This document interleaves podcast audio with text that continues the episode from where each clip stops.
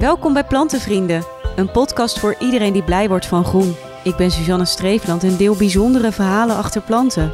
Aflevering 6 met plantenvriend Shura Glasmacher. Had je altijd al iets met planten? Nee, helemaal niks. Helemaal niks. Nee, echt helemaal niks. Nee, alles ging hier dood. Dus toen eh, ben ik maar gestopt met planten. Maar hoe kwam je dan weer met planten in aanraking? Ehm, ik werk als choreograaf. En eh, ik was gevraagd om een stuk te maken voor ehm The Artist Way. En ehm, zo ben ik gaan zoeken van, goh, weet je, wat, gaat, eh, wat is passend? En het ging over groei. En ehm, zo kwam ik bij de avocado uit.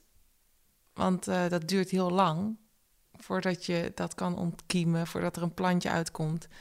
Het mooie is dat er eerst ehm, duurt het super lang. En dan ehm, krijg je, ja, komt er een heel klein worteltje uit. En doordat er wortels groeien, ehm, ja, krijg je eigenlijk een hele bos met wortels. En pas na heel lang komt er eindelijk een soort van eh, heel klein stukje omhoog. Klein stukje groen. Wat dan beetje voor beetje gaat groeien. Dus je moet heel veel geduld hebben. Heel veel geduld. Echt, als je met de pit begint, dan denk je echt al honderd keer van, nou, kansloos. Ik ga hem weggooien, deze doet het niet. Nee, ik ben toen ehm, eind januari 2018 ben ik begonnen, heb ik hem in het water gezet. En nu twee jaar later is het een eh, boom van twee meter. Maar hoe kwam je nou tot die plant?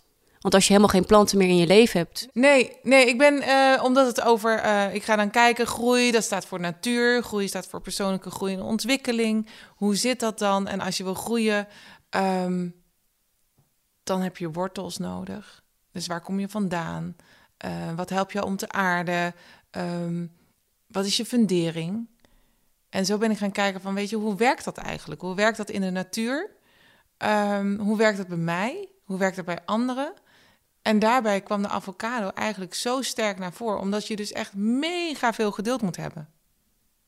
Want wij willen wel, hè, in de gehaastheid willen we alles heel snel en meteen resultaat. Maar ja, dat werkt dus niet zo bij een avocado pit. En hoe heb je dat dan verwerkt in die voorstelling? Ehm, ja, hoe is dat verwerkt? Ja, niemand weet dus eigenlijk hè, dat die avocado pit voor mij daar heel erg symbool voor staat. Maar het is heel erg door middel van beweging, door middel van kleur, door middel van een non-verbale communicatie en muziek. Ik heb de tekst gebruikt van eh, Mother Nature, van die eh, Julia Roberts heeft ingesproken.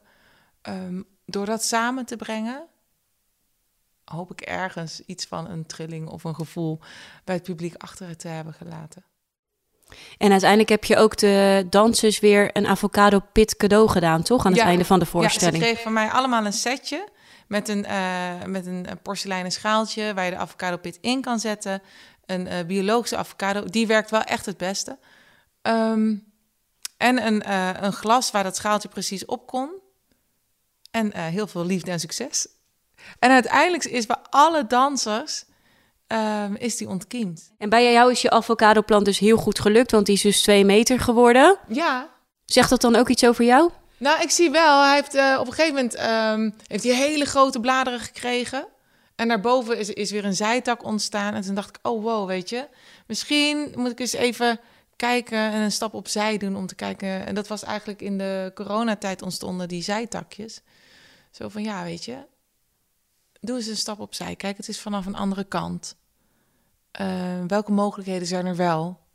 Want jij verloor veel werk. Ja, alles lag, ja, binnen de danswereld lag wel even alles stil. Ja, alle opdrachten. In de kostuums, in de dans. Alles lag stil.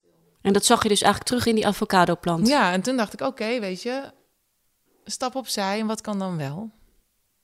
Dus zo eh, ontstaan er weer nieuwe projecten, nieuwe initiatieven. En wat doe je nu?